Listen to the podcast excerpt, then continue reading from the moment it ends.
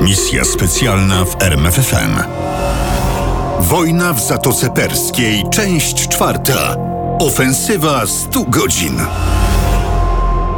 Rozkaz wyjazdu do Arabii Saudyjskiej nadszedł niespodziewanie 10 stycznia 1991 roku. W koszarach 22 Pułku SAS w Hereford zaczęły się gorączkowe przygotowania. Czasu było mało, zaledwie 3 dni. Do Riyadu lecieli 7 godzin samolotem transportowym VC-10. Zaraz po starcie wnętrze samolotu wypełnił dym papierosów. Najwięcej palił weteran wojny o Falklandy, kapral Ian Pring. Wypalił chyba całą paczkę papierosów, za co go opieprzyłem, bo nie lubię, gdy ktoś dmucha mi w nos. Narzekał sierżant Steven Mitchell. Zaraz po wylądowaniu w Arabii komandosów SAS załadowano do samochodów ciężarowych i przewieziono do obozu, daleko od innych jednostek sojuszniczych. Jak pisał później w książce kryptonim Bravo 2.0 sierżant Mitchell, między sierpniem a grudniem poprzedniego roku do Arabii ściągnięto niemal cały 22 Pułk, trzy szwadrony operacyjne i czwarty rezerwowy w okrojonym składzie. W sumie 300 ludzi. Pierwszy raz od czasów II wojny światowej pułk działał jako całość. Będzie tak jak wtedy, na początku. Cieszył się sierżant Mitchell. W końcu po to David Stirling sformował SAS 50 lat temu. Najpierw jeszcze w poprzednim roku pojawił się pomysł, żeby wykorzystać SAS do odbicia zakładników, pasażerów lotu 149. Okazało się jednak, że informacji na temat przetrzymywania zakładników było tak mało, że nie dało się na ich podstawie opracować rokującej szansę powodzenia akcji. Pomysł zarzucono również dlatego, że naczelny dowódca sprzymierzonych, generał Norman Schwarzkopf, nie miał zaufania do działań sił specjalnych. Schwarzkopf jako młody oficer w Wietnamie widział akcję Zielonych Beretów i nie był nią zachwycony. Dobrze pamiętał również porażkę amerykańskich komandosów w Iranie wiosną 1980 roku. Pisał Jean-Jacques Cecil w książce Sekretna historia SAS. Ale była jeszcze inna kwestia związana z udziałem SAS w wojnie. Brytyjczycy zgadzali się na użycie komandosów wyłącznie w operacji o znaczeniu strategicznym i Jeśli zostanie zagwarantowany transport lotniczy w miejsce akcji, a w razie potrzeby szybka ewakuacja. kilka długich tygodni zajęło przekonanie generała Schwarzkopfa, że komandosi SAS mogą się przydać podczas wojny irackiej. Nie potrzebujemy komandosów. Wojnę wygramy przy pomocy nalotów. Odpowiadał na to Schwarzkopf. Okazało się jednak, że bombowce i samoloty szturmowe nie poradzą sobie ze wszystkimi zadaniami. Owszem, niszczono mosty, szosy, elektrownie, fabryki broni i stałe wyrzutnie pocisków balistycznych SCAD. Problemem były natomiast niemal niemożliwe do namierzenia wyrzutnie ruchome, wielkie ośmiokołowe transportery o podwójnej kabinie kierowcy i punktem dowodzenia umieszczonym w połowie pojazdu. Według informacji wywiadu brytyjskiego, Irak posiadał około 20 transporterów. Dokładna liczba nie była znana. SCAD mógł przenosić ładunki konwencjonalne, ale również broń biologiczną, chemiczną i atomową. Zasięg rakiety to około 200 km, dlatego często w obozie SAS rozbrzmiewały alarmy ostrzegające przed skadami. Problem, jak uważano, był rzeczywiście istotny, ponieważ Hussein podczas wojny z Iranem nie zawahał się użyć broni chemicznej. To, czy posunie się do tego podczas wojny o Kuwejt, było nadal sprawą otwartą, ale obawy były poważne. Steven Mitchell w książce kryptonim Bravo 2.0 pisał: Zaraz na początku konfliktu w Zatoce zaczęto mówić, że gdyby Saddam Hussein użył broni chemicznej przeciw brytyjskim dywizjom, to zgodnie z poleceniem premier Thatcher, Brytyjczycy użyją taktyczną broń nuklearną. Uparty Schwarzkopf musiał posypać głowę popiołem i poprosić o pomoc SAS. Na trzy dni przed akcją sierżanta Michela wezwano na odprawę. Spotkali się w niewielkim gronie. Dowódca, oficerowie sztabu i dowódcy trzech patroli, którym później nadano kryptonimy. Bravo 1-0, Bravo 2-0, Bravo 3-0. Sierżant Mitchell był dowódcą patrolu Bravo 2-0. Mówiono przede wszystkim o atakach skadów na Tel Awiw. Jeśli tego nie powstrzymamy, Mówił oficer. istnieje duże prawdopodobieństwo, że Izrael, a w takim przypadku również Iran, włączą się do wojny. Nasze zadanie to zlokalizować i zniszczyć wyrzutnie rakiet. Musimy to wykonać w ciągu dwóch tygodni. Ale jak zniszczyć wysoką na 11 metrów rakietę? To proste, trzeba ją wysadzić. A jeśli rakieta ma głowicę jądrową? Nie można ryzykować, trzeba poszukać innego rozwiązania. Przed takim dylematem stanęli komandosi SAS. Doszli do wniosku, że celem powinna być nie tyle rakieta, co wyrzutnia. Ale transporter wyrzutnia to ogromny pojazd. Trzeba było znaleźć jego słaby punkt. Rozważając wszelkie za i przeciw, pisał Michel. uznaliśmy, że optymalnym rozwiązaniem będzie zniszczenie stanowiska dowodzenia.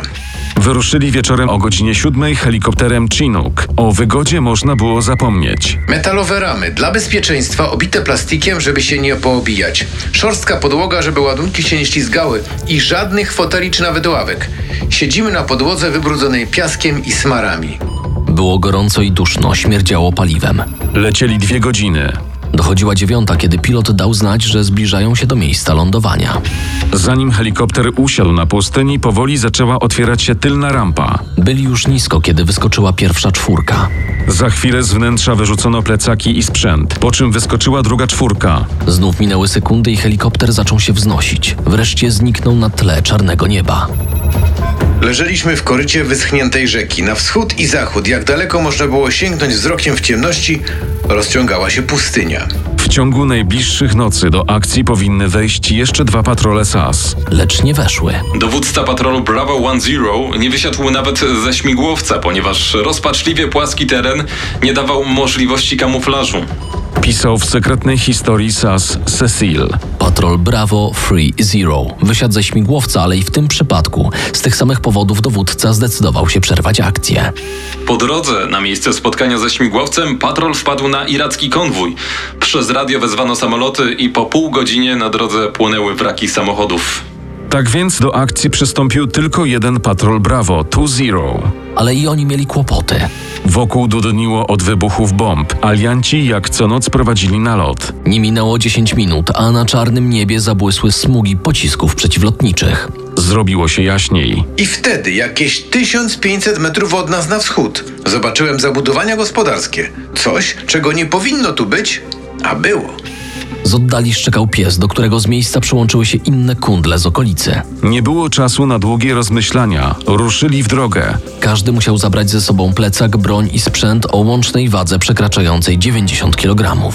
Następnego dnia wieczorem natknęli się na stado owiec i pasterza.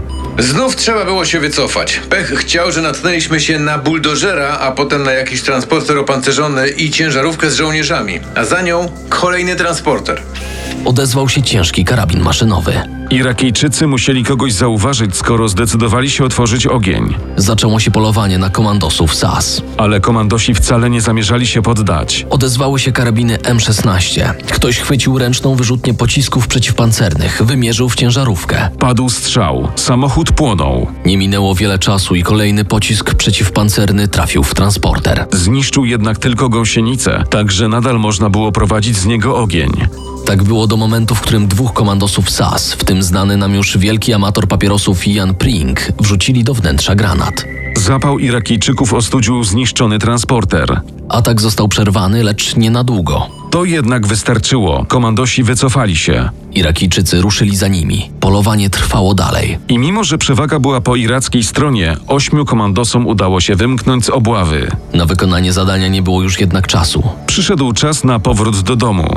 Ale żeby to zrobić, trzeba było wezwać helikopter, Do tego służył Tactical Beacon, w skrócie TASB. czyli urządzenie pozwalające na kontakt z samolotami AWACS w przypadku niebezpieczeństwa. Tymczasem TASB nie działał. Próbowano wysłać sygnał alarmowy kilka razy w ciągu nocy, ale bez rezultatu. Odpowiedź nie nadchodziła. W tak trudnej sytuacji zdecydowałem się na wycofanie z Iraku. Tak jak to ustaliliśmy przed akcją, ruszyliśmy w kierunku granicy z Syrią. Czekała nas niebezpieczna i długa droga do domu. Z ośmioosobowego patrolu SAS do granicy doszedł tylko kapral Colin Armstrong. Przeszedł 290 kilometrów. Czterech komandosów, w tym Mitchell i Pring, zostało schwytanych i do marca siedzieli w obozach jenieckich. Sierżant Vincent Phillips i szeregowy Steven Lane zmarli z wychłodzenia. Szeregowy Robert Consilio zginął podczas strzelaniny z Irakijczykami. Skoro operacja trzech patroli SAS nie powiodła się, skudy mogły nadal terroryzować Izrael. Nic bardziej mylnego. Już 20 stycznia 1991 roku cztery kolumny zmotoryzowane komandosów SAS, po dwie ze szwadronu A i D, wjechały do Iraku. W szpicy puszczono patrole na Harley'ach. Za nimi w Land Roverach jechali komandosi i zaopatrzenie w ciężarówkach. 24 stycznia zniszczono dwie wyrzutnie radzieckich pocisków Frog. Kilka dni później rozpoznanie natrafiło na transport rakiet SCAD. Poinformowano centralę, reszty dokonały samoloty. W pierwszych dniach lutego komandosi SAS zniszczyli kolejne wyrzutnie SCADów. Nie bawiono się w szukanie słabych punktów transporterów. W ruch poszły pociski przeciwpancerne Milan. Straty Iraku były na tyle poważne, że Saddam Hussein postanowił wycofać wyrzutnie SCADów do centrum kraju. Tak skończyły się naloty na Izrael, a zagrożenie ataku skadami na dywizję koalicji zmniejszono niemal do zera. Wydawało się, że ofensywa aliantów mogła ruszać. Tymczasem uderzył Saddam Hussein. Pierwsze ostrzeżenia o szykującej się ofensywie irackiej odebrano w sztabie generała Schwarzkopfa 28 stycznia. Ale raportów o gromadzeniu na granicy saudyjskiej irackich czołgów nikt nie chciał słuchać. Kiedy więc 29 stycznia trzeci korpus, w którym główną rolę odgrywały trzecia dywizja pancerna i piąta dywizja zmechanizowana, wdarł się do Arabii Saudyjskiej i uderzył na miasto Al-Hafji, zaskoczenie było pełne.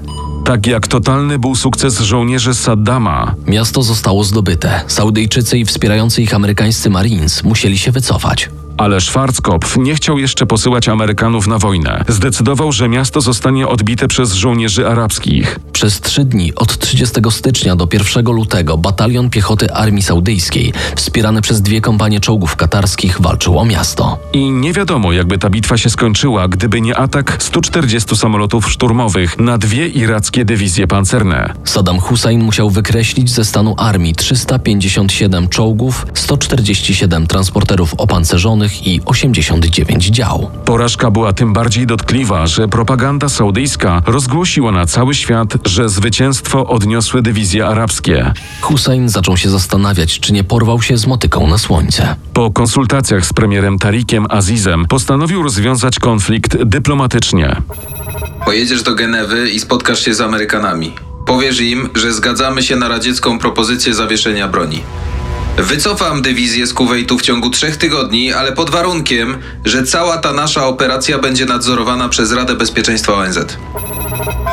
Propozycję złożono oficjalnie 22 lutego 1991 roku. Prezydent Bush odniósł się do niej sceptycznie. Czemu Bush nie zgodził się zakończyć konflikt dyplomatycznie? Być może bał się, że opinia publiczna nazwie go tchórzem, być może nadal był pod wpływem żelaznej damy, czyli byłej już premier Wielkiej Brytanii. A być może chciał zniszczyć armię iracką, żeby poskromić agresywną politykę Bagdadu w przyszłości. Dwa dni później generał Norman Schwarzkopf dał rozkaz. Naprzód. W nocy z 24 na 25 lutego drugi pułk kawalerii pancernej Armii Stanów Zjednoczonych przekroczył granicę saudyjsko-iracką. Za pułkiem kawalerii wtoczył się do Iraku cały siódmy korpus, 1487 czołgów, 1384 bojowe wozy piechoty Bradley i ponad 146 tysięcy żołnierzy. Na lewym północnym skrzydle operowała brytyjska dywizja pancerna na najlepszych czołgach tej wojny Challengerach. To im przydzielono zadanie ochrony korpusu przed kontratakiem 52 Dywizji Pancernej, czego spodziewali się oficerowie sztabu. Nie była to wcale najmocniejsza dywizja Iraku. Wyposażono ją w przestarzałe już czołgi T-55 i T-62,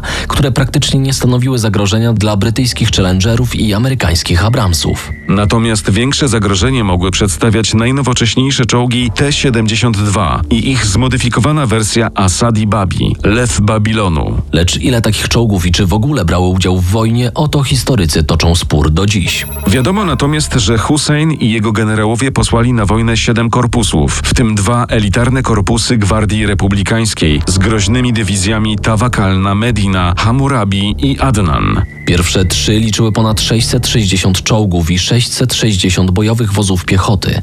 Poza tym dysponowały niebezpieczną bronią przeciwpancerną i artylerią. Korpusy ustawiono w dwóch liniach w Kuwejcie i przy południowo-zachodnim odcinku granicy z Arabią Saudyjską. Przygotowano linie obronne, zasieki, okopy, bunkry, stanowiska artylerii przeciwpancernej. Zamierzano się bronić. Tymczasem zaraz na początku ofensywy na te linie obronne spadło 90 tysięcy pocisków. Kiedy trzy godziny później pokazały się tu czołgi amerykańskie, nie odnalazły przeciwnika. W tym samym czasie 18 Korpus Powietrzno-Desantowy, czyli dwie dywizje spadochroniarzy, 82 i 101 przerzucono na tyły armii irackiej, 249 km za liniami wroga. Kazano nam Odpowiadali spadochroniarze. opanować autostradę numer 80, y, która prowadziła z południa w głąb Iraku i zniszczyć irackie kolumny wojskowe próbujące uciec z okrążenia. a dywizje irackie zamknięte w okrążeniu topniały szybciej niż spodziewał się tego generał Schwarzkopf i jego sztab. 27 lutego, w trzecim dniu wojny, doszło do dwóch bitew. Bitwy pod Medina Ridge, która trwała zaledwie 2,5 godziny. I tak zwanej bitwy o Norfolk. Norfolk to kryptonim nadany przez Amerykanów irackiemu magazynowi, który leżał przy skrzyżowaniu szlaków pustynnych. Magazynu broniły trzy irackie dywizje pancerne 52, 10 i 12 oraz pododdziały, bataliony i pułki z 11 dywizji piechoty zmechanizowanej i brygad pancernych. Amerykanie mieli na tym odcinku frontu dwie dywizje pancerne Dywizję kawalerii, która oczywiście nie jeździła na koniach, lecz na Abramsach i Bradleyach. oraz pierwszą dywizję piechoty, czyli Wielką Czerwoną Jedynkę, The Big Red One. Do tego dochodziła brytyjska pierwsza dywizja pancerna Szczury Pustyni. Bitwę toczono w deszczu i mgle. Pół godziny po północy, już 27 lutego 91 roku, odezwała się amerykańska artyleria. Po czym do ataku ruszyła piechota na Bradleyach, ubezpieczana przez śmigłowce. To był ciężki, ale i pomyślny rajd przez irackie pozycje obronne. Helikoptery i ręczna broń przeciwpancerna eliminowały z walki irackie czołgi i transportery opancerzone. Niszczono stanowiska artylerii i zabijano żołnierzy. Trzy pancerne dywizje irackie nie potrafiły przeprowadzić skutecznego kontrataku. Po raz kolejny zadecydowała różnica techniczna między czołgami radzieckimi i natowskimi. W ciągu 90 minut brytyjska 7 Brygada Pancerna zniszczyła 50 czołgów i transporterów opancerzonych, nie tracąc żadnego Challengera. To był knockout. W efekcie w ciągu dwóch bitew Irak stracił 736 czołgów. Dla porównania Amerykanie stracili zaledwie 8 czołgów, a Brytyjczycy ani jednego. Tego samego dnia opanowano miasto Kuwejt. Atak na Kuwait zaczął się tak jak cała ofensywa aliantów 24 lutego. Dwie dywizje piechoty morskiej wpadły między okopy, zasieki z drutu kolczastego i pola minowe. Na szczęście dla nich opór był mizerny, także bitwa skończyła się w ciągu zaledwie kilku godzin. Następnej nocy na dywizje irackie w Kuwejcie spadły deszcze ognia, artylerii i rakiet. A potem 150 tysięcy żołnierzy koalicji ruszyło do ataku. 27 lutego Hussein kazał podpalić 737 szybów naftowych i wycofać się z Kuwejtu. Wzdłuż głównej autostrady Irak-Kuwejt utworzył się długi konwój wycofujących się wojsk irackich. Jechali powoli zderzak przy zderzaku i stanowili znakomity cel. Na pojawienie się samolotów nie musieli długo czekać.